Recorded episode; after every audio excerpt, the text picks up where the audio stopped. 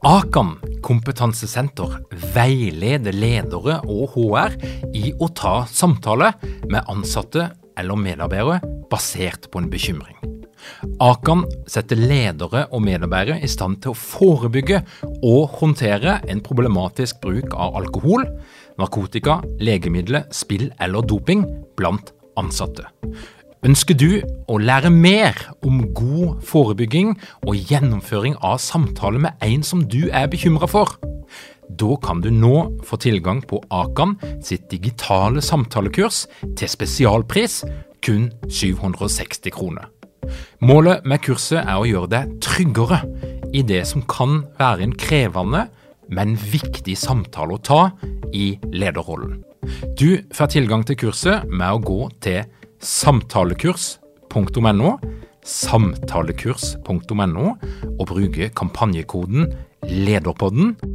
Tilbudet gjelder ut april.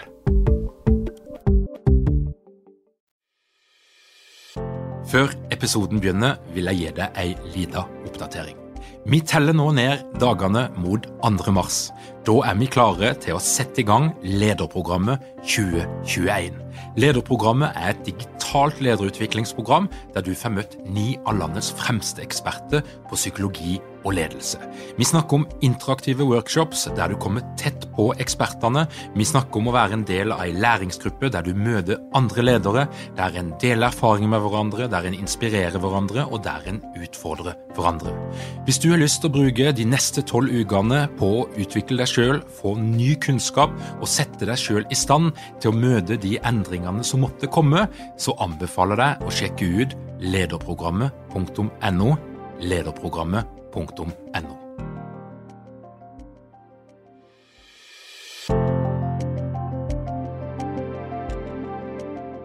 Velkommen til Lederpodden. Mitt navn er Tor Åge Eikerapen. Jeg er organisasjonspsykolog og foredragsholder, og dette her er en podkast om ledelse. Det er et nytt år, og det som mange trodde skulle bli det, det, den gode starten på det nye året, har jo vist seg å slå ganske feil. For det som er situasjonen akkurat nå, når denne podkasten spilles inn, det er at eh, ganske mange av dykken som lytter på Lederpodden, dykken har nå sittet på heimekontor i ti måneder. Dere trodde at det skulle være noe som foregikk i kanskje en måned eller kanskje noen uker, eh, noe som tok slutt til sommeren. Og så er det veldig mange av oss som, som nå eh, ser oss rundt og opplever at eh, verden er fremdeles usikker, fremdeles ustabil, og vi kjenner at dette her gjør noe med oss. Og Derfor så har jeg invitert meg inn, eh, min favorittlege Kari Kverner i studio. Velkommen, Kari. Kari, eh, vi har jo hatt ganske mye kontakt faktisk gjennom hele denne perioden, de her ti månedene. Eh, vi kjente hverandre ikke før korona, men, men, det å møtes i studio sånn som vi gjør nå, det er eh, på hver vår kant. Det har vi gjort noen ganger.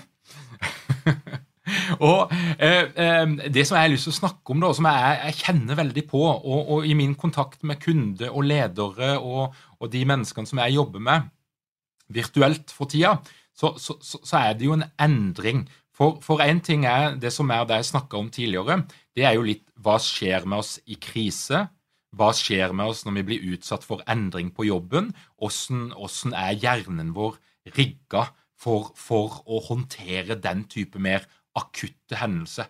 Men det er på en måte én ting.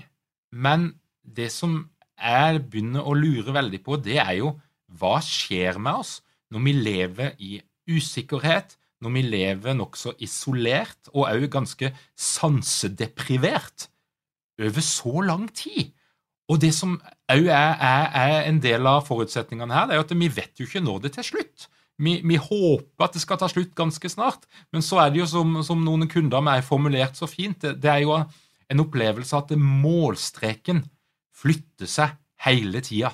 Du tror at du snart er i mål, at fjelltoppen er snart i sikte, eh, og du begynner å forberede deg på at du skal komme fram og, og, og, og glede deg over det, men så opplever du altså at denne fjelltoppen den blir bare stadig lenger og lenger og lenger vekke. Åssen opplever du dette her, Kari?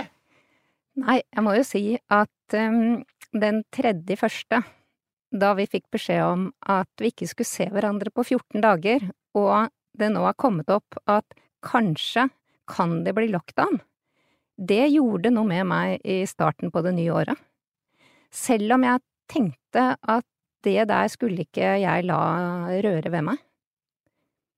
Og jeg innbiller meg at dette gjelder flere, og vi kommer jo på en måte ikke utenom å si at hjernen vår er jo den samme selv om vi skal tenke på ting på lang sikt, og at det er faktisk sånn at den derre litt sånn, jeg kaller det for sånn pannangst, eller den uroen som henger liksom oppe i lufta med at når kan vi klemme hverandre, når kan vi få tilbake jobbene våre, når blir det et reiseliv?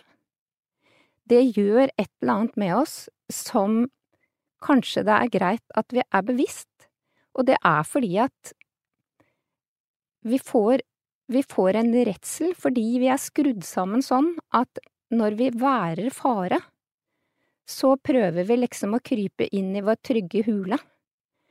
Og noe av det har også å gjøre med at da spiller følelsene våre seg veldig fram, ikke sant? Noen mennesker sier jo at de ikke reagerer følelsesmessig, eh, men da pleier jeg å si at eh, men eh, reaksjoner, det har du vel på ting, at det har alle.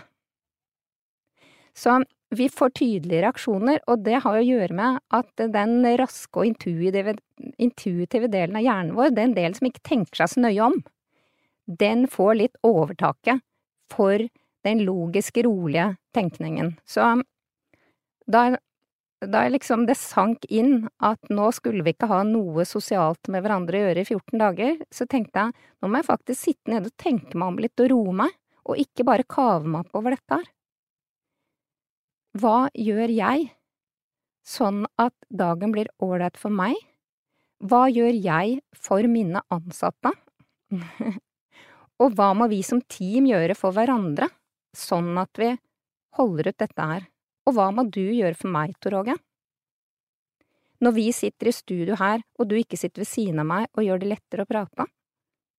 Jo, det blir sånn litt ekstra… Det blir litt ekstra å gjøre. Trygghet og tillit det blir superviktig, ikke bare i en akutt fase eller for å stunte opp, men faktisk over tid. Og dere som er psykologer, da, dere snakker vel om det som heter sånn emosjonell samregulering? Nemlig at vi påvirkes av andre mennesker. Så at jeg påvirkes av ditt stress og naboens stress og de andre på jobben sitt, selv om jeg ikke merker det. Og så justerer jeg mitt stressnivå liksom opp mot det som dere har. Så én ting er liksom teorien som sier at se på mor-barn-relasjonen, det er liksom et eksempel på emosjonell samregulering. Man spiller sammen. Men vi spiller faktisk sammen hele tida, selv om vi ikke tror at vi gjør det. Og dette her er jo en del Mange ledere kjenner jo på dette her sterkt nå. Og Du er sjøl leder.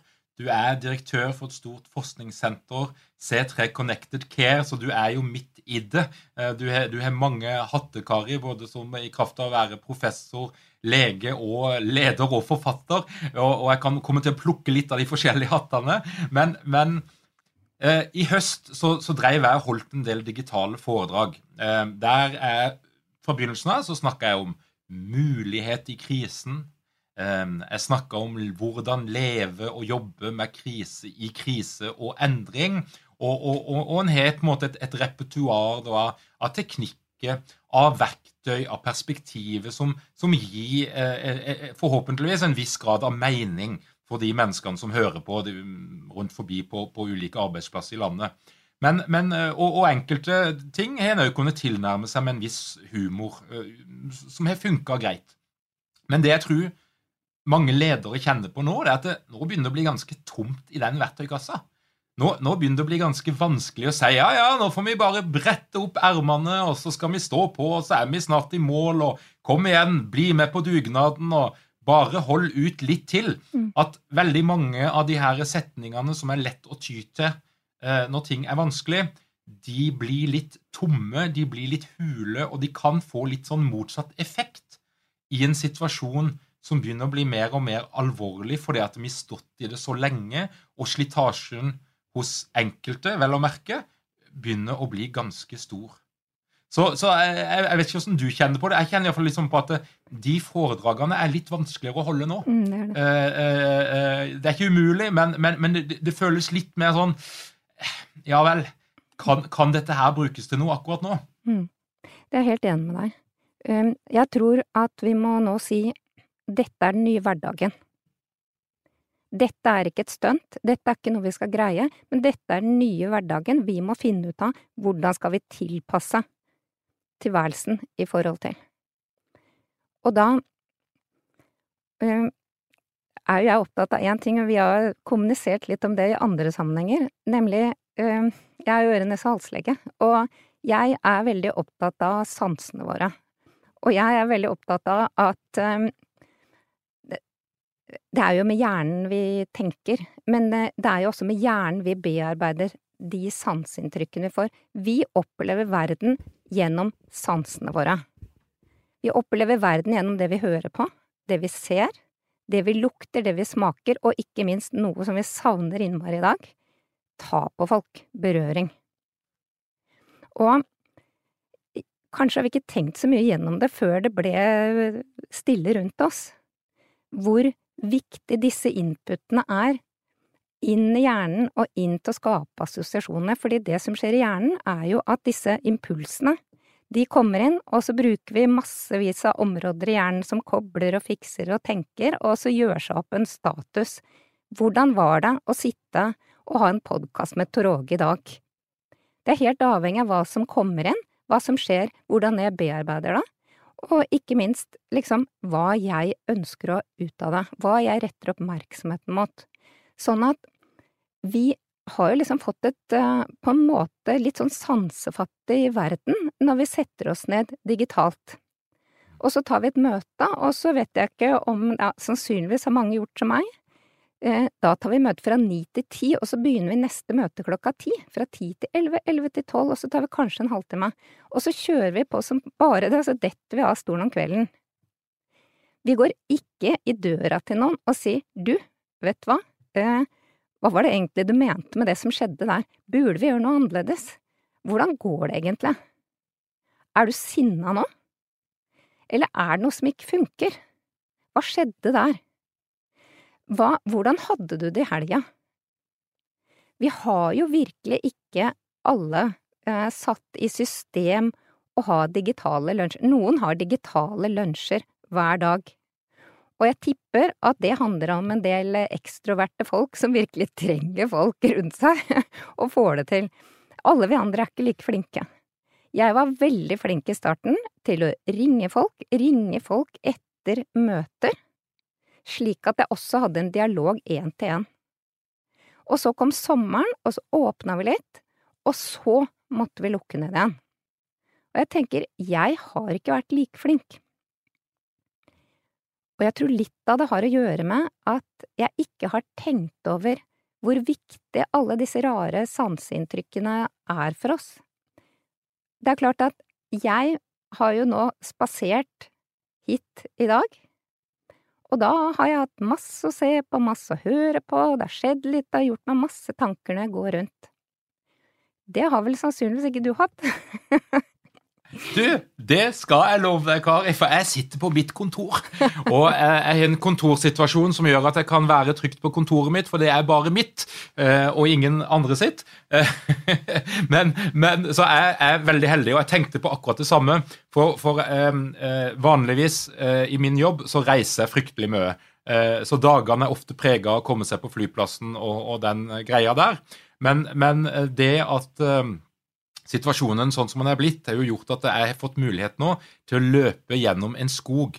Jeg, jeg, først så reiser jeg til barnehagen, og så, som oftest, så løper jeg gjennom skogen, Bymarka i Kristiansand, på vei til kontoret. Og Av og til så får jeg en lang tur, og av og til så blir det en fryktelig kort tur. Litt sånn avhengig av hvordan jeg har eh, designa kalenderen. Men med jevne mellomrom så møter jeg noen rådyr i den skogen. Um, og, så, så, for min del så er jeg jo veldig heldig eh, som har hatt denne muligheten, men, men, jeg har jo nå begynt å telle litt sanseinntrykk. Eh, og, og, de her overgangene, altså idet du gjenger ut døra og kjenner den kalde lufta slå imot deg, idet du da kommer inn i en skog som er så heldig å gjøre, og, og du ser eh, sola som speiler seg i vannet, eller bare regndråpene som, som, treffer overflaten, og du òg i tillegg møter på et rådyr, så, så er jo min eh, opplevelse det er jo at alle de her sanseinntrykkene, alle de her stimuleringene, gjør jo at det er på den løpeturen at jeg tenker ut de gode ideene. Det er der jeg planlegger neste episode av Lederpodden. Det er der jeg ser for meg ting som jeg ønsker å gjøre i framtida. Det er der jeg finner svar på de viktige spørsmålene. Det er på den turen der. Mellom heimen og arbeidsplassen. Og, og, og, hvis jeg hadde satt meg ned og telt, så er det klart at det bare lukta av kaffen idet jeg kommer inn på kontoret og putter på kaffemaskinen. Eh, det jeg ser nå, for eh, bak det kameraet som jeg kikker inn i, så har jeg faktisk en himmel, en horisont. Jeg kan se havet. Jeg kan se Hotell Caledonien i Kristiansand. Altså, dette her gjør noe med meg. Og jeg har jo hatt dager på hjemmekontor. Og, og jeg, jeg, vil vel tippe at vi snakker om en, en brøkdel av sanseinntrykk og en brøkdel av overganget, skiftet. Eh, eh, og, og, Jeg vet ikke helt hva en skal sammenligne det med, men jeg så en, en, sånn, eh, en, sånn, dokumentarfilm her om dagen om to damer som bodde alene på ei hytte eh, ganske, altså 40 mil fra folk oppe på Svalbard og overvintra i ni måneder. Eh, eh, eh, de hadde nok flere sanseinntrykk enn det folk er på hjemmekontor. For de var ute og bada i, i det kalde havet og, og, gjorde flere ting. Men, men, men, det er jo helt klart at altså, hjemmekontortilværelsen for mange, den er jo ekstremt monoton. Veldig. Um, og, og jeg tenker, hvilket ansvar har vi som ledere for å tenke gjennom hvordan har folk det på jobben, også i forhold til legger vi til rette for å skape en forståelse for at hver og en av oss må lete og tenke hva er viktig for meg for å få input? Hvis vi tenker helt konkret, da, mange har glede av å lage mat, lage mat fra bunnen av i dag, ikke sant? Hva er det om å gjøre? Jo, vi lukter og vi smaker, vi bruker sansene våre. Vi hører på lydbøker, da jeg kom inn i dette studioet i dag, så fortalte de meg at eh, nå er markedet for lydbøker kjempestort, ikke sant? Det er masse å gjøre, folk vil høre på podkast. Og det har kanskje ikke bare å gjøre med at det er lettvint å høre på ting, men lyd i seg selv, det gir deg masse assosiasjoner. Så hva er det hver og en av oss trenger som kan erstatte den lange klemmen som vi liker å ta med folk, det å sitte sammen med folk og håndhilse, det å gjøre de småtingene, hvordan erstatter vi den berøringen, ikke sant? Sånn at alt dette handler om hva vi sanser og tar inn, fordi det gjør at vi blir mer kreative, og at vi bruker sannsynligvis kobler flere hjerneområder og klarer liksom å få et sånn litt videre syn på ting.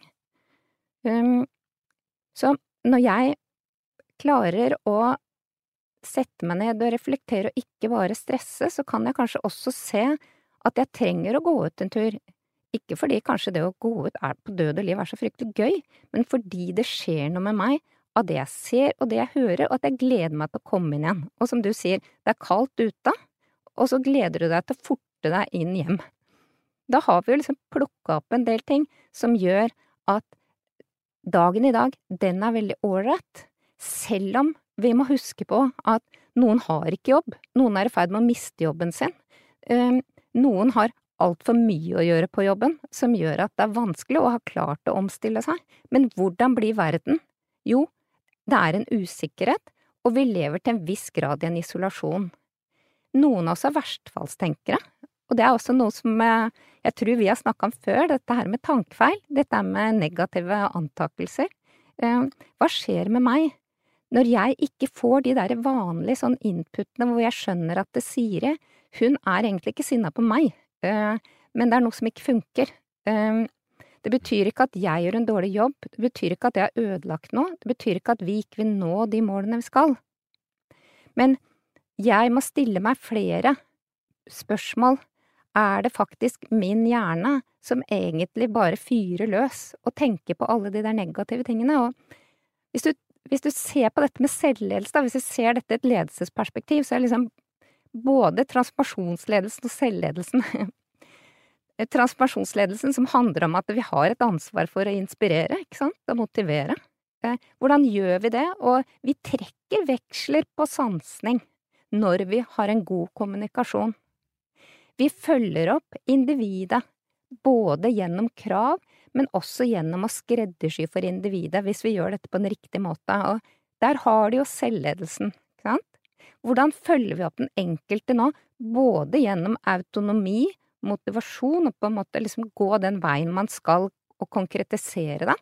Men det andre er Selvledelse handler jo også om å følge opp den kog kognitivt, den enkelte? Hva er det som ikke funker nå? Hva er de negative antakelsene, hva er det som Hva er det jeg trenger å høre på, eller være med og skyve litt på? Det er jo der vi er det er ikke til å komme utenom at vi liksom må sette en ny standard for hverdagen vår, og det gode samspillet, eller samspillet, det er jo det som kanskje er kritisk nå, tenker jeg. Jeg som leder, det er ikke sikkert at jeg er en god samspillspartner mot de som jeg jobber med. Vi som team får kanskje ikke til samspillet utover den rene produksjonen. Hva skjer med kreativiteten? Jeg jobber i et senter hvor vi ikke bare skal produsere liksom årsregnskap eh, og årsrapport, men vi skal jo også skape noe som har en verdi utover den derre hverdagsleveransen. Det er jo det som er omstilling. Og noe omstilling er kommet for å bli, ja, lydbokmarkedet er enormt, og det kommer det til å fortsette å være. Eh, men hva skal vi gjøre for å greie å dreie enda mer i den retningen. Hva må jeg, gjentar det igjen, hva må jeg gjøre for deg for at dette skal bli en ålreit stund? Hva må du gjøre for meg? Hva må jeg som leder gjøre for dere på jobben, og vite at jeg har ansvaret for? Og hva må dere og vi på jobben gjøre for hverandre? Og dette er jo fryktelig mange ting å snakke om i ett. Men hvis man skal liksom trekke ned og si fra, fra liksom et sansperspektiv og fra et hjerneperspektiv, da begynner det jo med egentlig refleksjon, og kanskje refleksjon ikke bare over produksjonen vår, men hvor er vi nå? Hvor skal vi i forhold til å få til et samspill oss imellom. Er det noe nytt vi må lære, noe nytt Har dere mange ledere uten trening eller utdannelse innen ledelse? Mangler dere en felles kultur og praksis for ledelse? Ønsker dere å være bedre rusta for fremtidig vekst og endring? Da kan et internt lederutviklingsprogram være en god investering.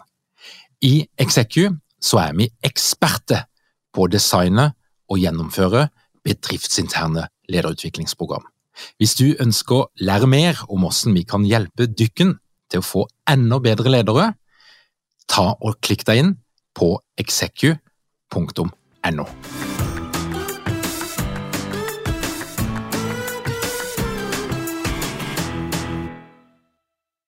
Vi må gjøre hvilke rutiner må vi gjøre noe med?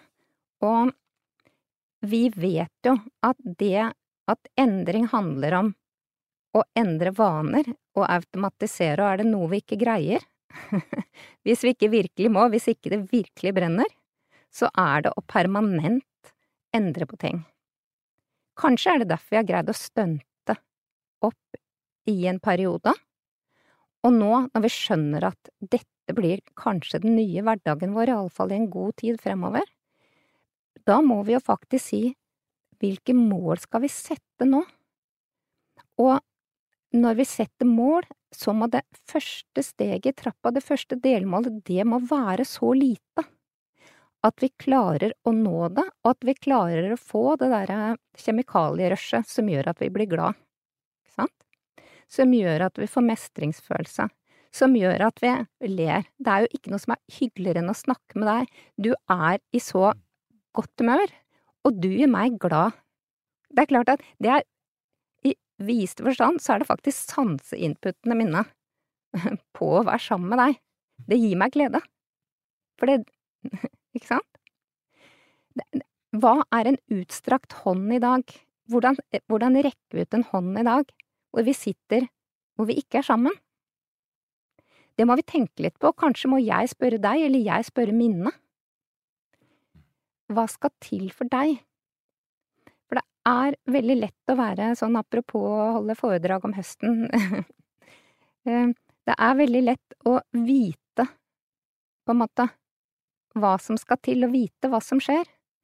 Men nå er det jo viktigere enn noen gang å spørre og si hva gjør vi nå? Hva vil du, hva tenker du? Eh, Kari, den, det med vanene som, som, du har skrevet og er eh, opptatt av altså du, er, du, du, er opptatt av at eh, hjernen vår den er egentlig fylt med vaner. Eh, eh, og som du sier, de er ofte vanskelig å endre. Mm. Og, og, og, det er, eh, hvis vi skal liksom konkretisere det litt, så tenker jo jeg at i hverdagen vår, i den pre-covid-jobb-hverdagen, og så vet jeg at mange har jobba hjemme fra før, og, og, sånn, men hvis vi tenker liksom det store flertallet, så er det jo en del vaner som du nesten ikke trenger å tenke på, for det kommer automatisk. Altså, du må transportere deg sjøl fra hjemstedet ditt til jobben. Det er liksom det, Den vanen etableres automatisk. Det å gå til kaffemaskinen, det å gå i et kontorlandskap fra et møte til et annet møte altså, De her tingene skjer automatisk. Og så er det jo eh, i den der hjemmekontortilstanden som mange befinner seg og har vært nå fryktelig lenge, så kommer jo ingenting av dette her automatisk. Eh, og, og, og det er jo òg noe med de her digitale verktøyene og den her kalenderen vår. Jeg merker iallfall at du, du, blir litt sånn dradd inn i det der rushet, der du blir så supereffektiv. Um, og, og, og, så fins det jo ingen vane som kompenserer. Mm. Altså, det er jo kjempevanskelig. Hvis, hvis, jeg skal, hvis jeg skal kompensere for alle de sanseinntrykkene som jeg mister med å være på heimekontor versus en, en pre-covid-tilstand, så, så, trenger jeg jo opparbeide faktisk et, et sett med mange nye vaner. Mm. Kanskje et, et, opplegg der jeg må gå ut i, i et kvarter hver andre time, eh, der jeg faktisk eh, snakker med noen andre om noe helt annet. Altså, jeg må bryte ut av det mønsteret som etablerer seg veldig fort automatisk. Og jeg tror jo at eh, når vi snakker om, om flere hundre tusen arbeidstakere eh, som sitter rundt på sine hjemmekontor, så tror jeg ikke det er mange av de som har fått hjelp, eller at det er blitt gjort et systematisk tilnærming til hvordan skal vi etablere nye vaner som er faste, og som kompenserer for alle de sanseinntrykkene og all den dynamikken som vi mister med å ikke være sammen Eh, på et kontor eller på en arbeidsplass. Og Der, og der syns jeg jo å se at i begynnelsen av ja, digitale lunsjer, flott. Mm. Eh, kanskje en oppfordring til fysisk aktivitet. Mm. Men det stopper liksom der, da. Mm. Eh, og, jeg, og, jeg, er jo litt, um, og nå appellerer jeg litt til legen i det, for, for eh, det må vel være sånn at jeg har jo sånn en klokke som sier at nå må du reise deg. Eh, og, og nå til dags så sier han det veldig mye oftere enn det han pleier å gjøre. Eh, eh, for det at jeg sitter jo mye mer. Eh, og dette her gjør jo noe med kroppen min. Mm. Det at jeg sitter så mye og stirrer nokså intenst inn i et kamera. For mm. det er jo det jeg gjør store deler av dagen nå for tida. Mm. Det, det, er jo en veldig lite dynamisk eh, måte å, å, å, jobbe på. Mm. Det er nummer én. Og så vet vi jo noe om at, at det er jo både medisinsk og, og psykologisk, altså at sansedeprivasjon mm. har en tendens til å mm. gjøre folk deprimerte i lengden. Absolutt, og det har jeg egentlig lyst til å si, for det, det er gjort et forsøk uh, for mange år tilbake uh, hvor man uh, For det, det, å ikke få lyd, lys og kommunikasjon, det gjør noe med deg. Så man lagde en sånn tank som man kunne senke folket, som var lydtett og lystett, og så var det vann oppi der, og så puttet man folket liksom i vann med kroppstemperatur og så hva som skjedde.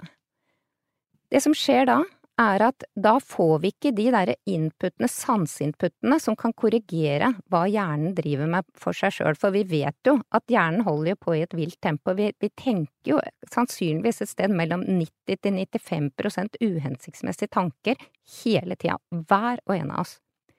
Det som skjedde, var at folk begynte å hallusinere. Det vil si, når det ikke kommer noen ting utenfra som liksom regulerer og styrer oss, da setter vi i gang i et sånt helt uh, vilt uh, opplegg, og da blir jo selvfølgelig all, all fornuft borte, logikk borte. Så jeg tenker jo at uh, vi må tilbake til der, det enkle, det kjedelige, som slett ikke er så kjedelig. vi trenger rutiner og ritualer, for det gjør at vi funker.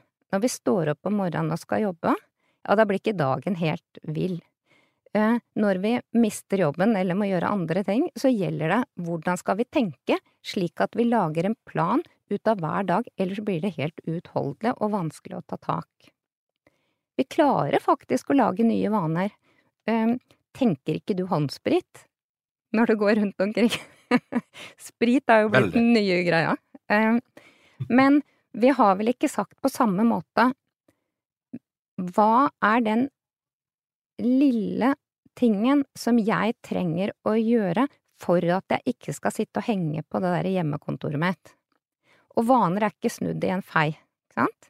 Vi vet at en liten vane, liten, tar åtte uker å automatisere. Og liten, det kan innebære å si jeg skal i… Kanskje må jeg ut en liten tur før jeg starter å jobbe? At det er viktig for meg? Eller kanskje er det viktig å strekke meg ut på sofaen før jeg begynner å jobbe, eller eh, kanskje bør jeg ta en telefon med noen jeg liker.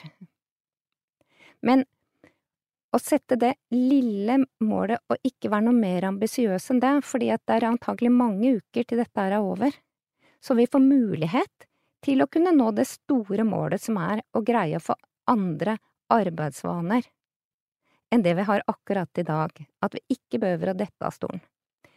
Det er det ene jeg har lyst til å si.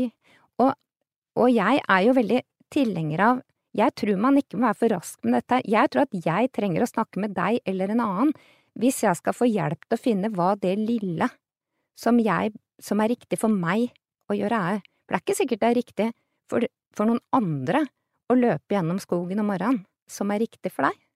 Det kan være at det er å spille musikk, ja, spille musikk og ta det med ro.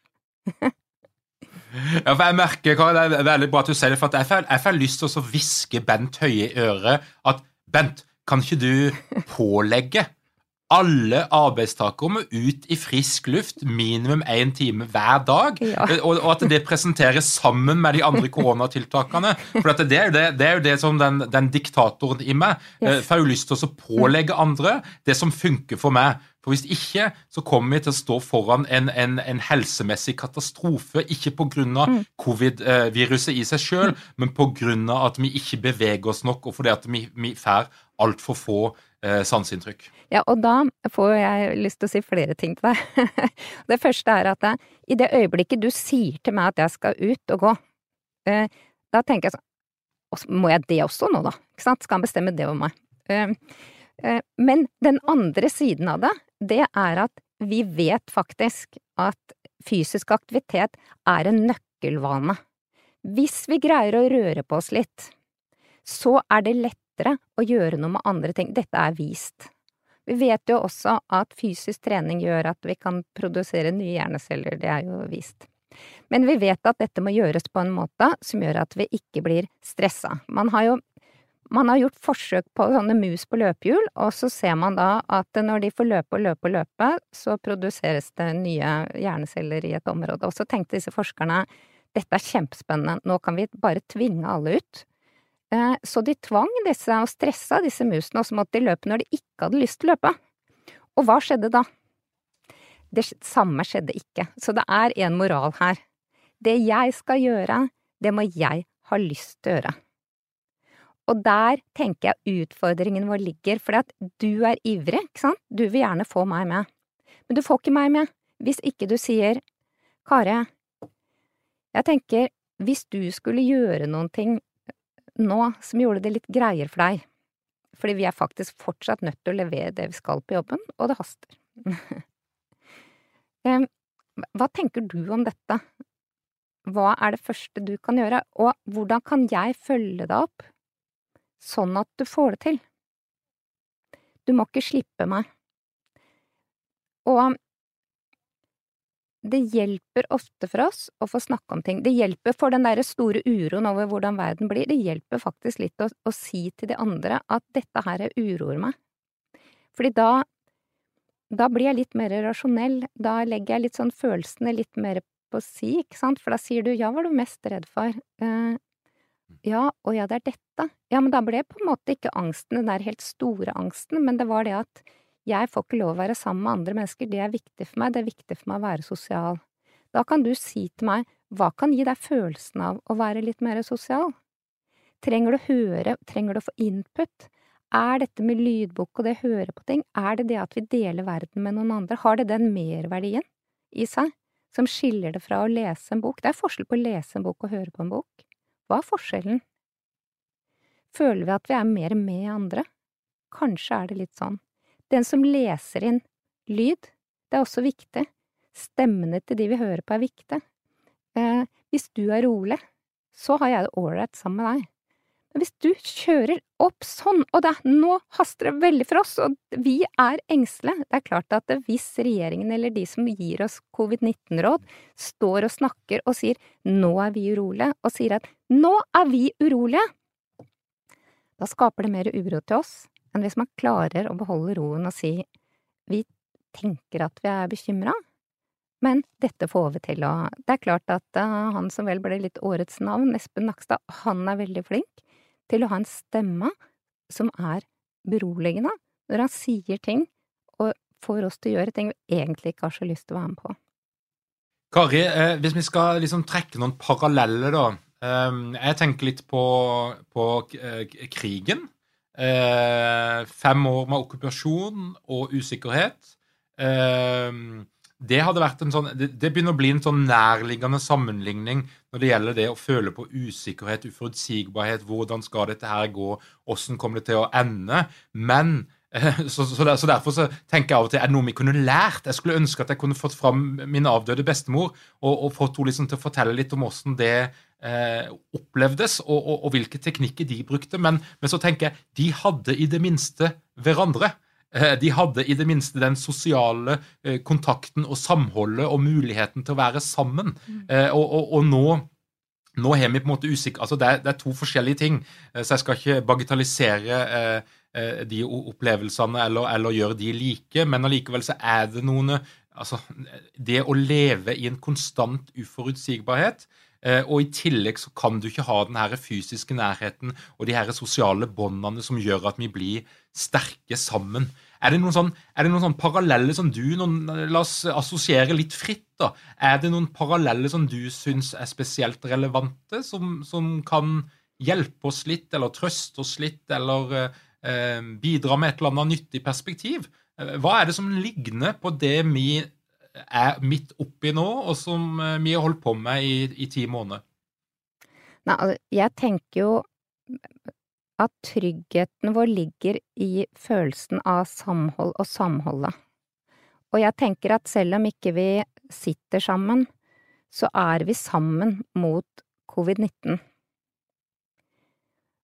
Og jeg tenker at vi må, vi må lære å snakke sammen og ha dialoger under de forutsetningene vi lever under nå. Og det betyr at vi må reflektere sammen, og vi må finne ut av, av hvordan snakker vi sammen, hvordan får vi til samspillet? For det er jo samspillet vi savner. Hvordan får vi til den berøringen som vi savner? Hva er berøring i overført betydning? Jo, det er å bekrefte, og det er å lytte, og det er å være oppmerksom på at dette er også viktige verdier. Det er å tenke og jobbe mot hva gjør oss kreative, hva gjør at vi har glede av å gjøre ting? Kreativitet og idémyldringen, men men kreativitet er jo ikke bare idémyldring, det er jo også å sluttføre og vurdere hvordan gjør vi dette sammen? Så kanskje vi ikke skal gjøre ting så vanskelig, men si at vi er så heldige at vi har faktisk en felles ytre fiende. Men mange har det veldig mye verre enn andre i dag. Og hva, hvordan kommuniserer vi? Du er kjempeinteressert i kommunikasjon. Hvordan skal vi kommunisere riktig nå? Hvordan har jeg det hyggelig sammen med deg? Hvordan har jeg det hyggelig på jobben? Hva gjør at de lunsjene som noen trenger, at ikke vi tar de? Hvilke lyder trenger vi? Hva er riktig for oss og for meg? Så jeg tror vi må ned på det helt, helt enkle. Og det kan vi faktisk alle greie. Og, hvis du sitter nå som leder eh, Dette her er den første episoden i 2021 av Lederpodden. Eh, og det er, det er, jo stadig flere ledere som, som hører på denne podkasten. Og jeg vet at mange ledere de liker sånne konkrete, sånn, litt sånn handlingsorienterte tiltak som de kan sette i gang med. Og Du er sjøl leder, Kari, mm. Eh, så dette her kan jo møte, du kan jo risikere å møte deg sjøl i døra hvis det er noen av dine medarbeidere som hører på dette her.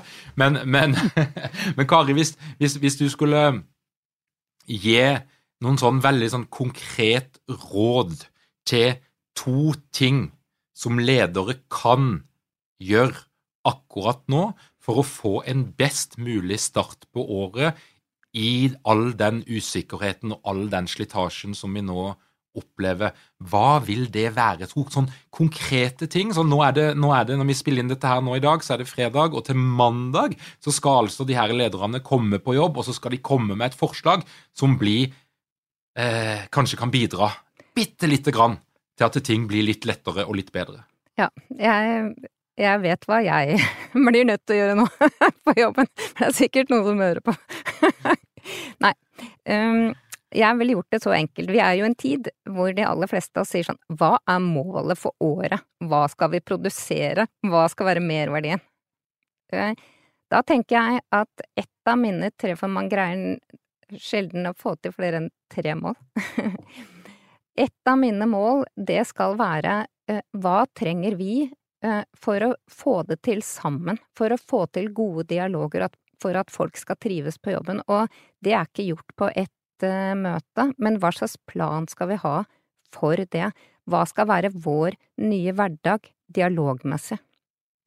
Og følge det opp på samme måte som vi følger opp de andre mål parametrene våre. Det er det ene.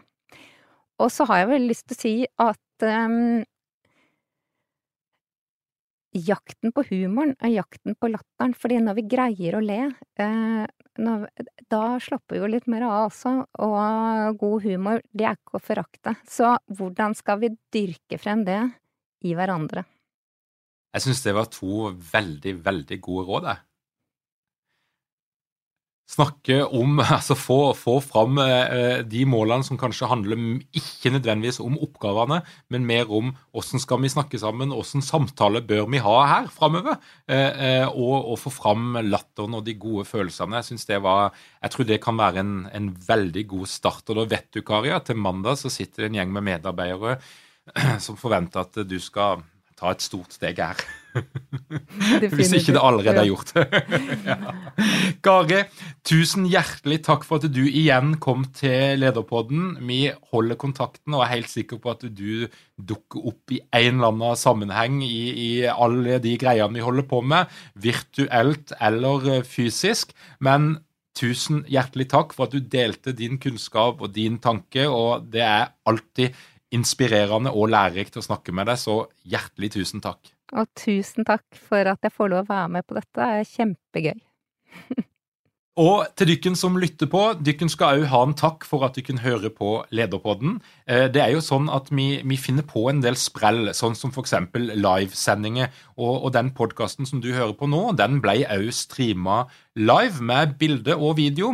Og, og, hvis, ofte så skjer det på litt kort varsel. Sånn at hvis du har lyst til å bli gjort oppmerksom på de påfunnene som vi finner på, så anbefaler jeg deg å gå inn på lederpodden.no, og så legger du igjen e-postadressen der, og så får du eh, en e-post når ting skjer. Av og til kan det bli litt for mye, eh, kanskje, men det er noen mulighet for å stille inn og begrense det litt. Men, men vi skal prøve å holde oss til ca. én e-post i uka. Av og til blir det litt mer når vi, vi finner på noe mer, men, men, eh, det er jo som regel noe hyggelig innhold og, og noe verdifullt i dette her, så jeg, jeg, jeg tror jeg allikevel vil anbefale deg å eh, legge igjen e-postadressen din hvis du har lyst til å få mer av dette her.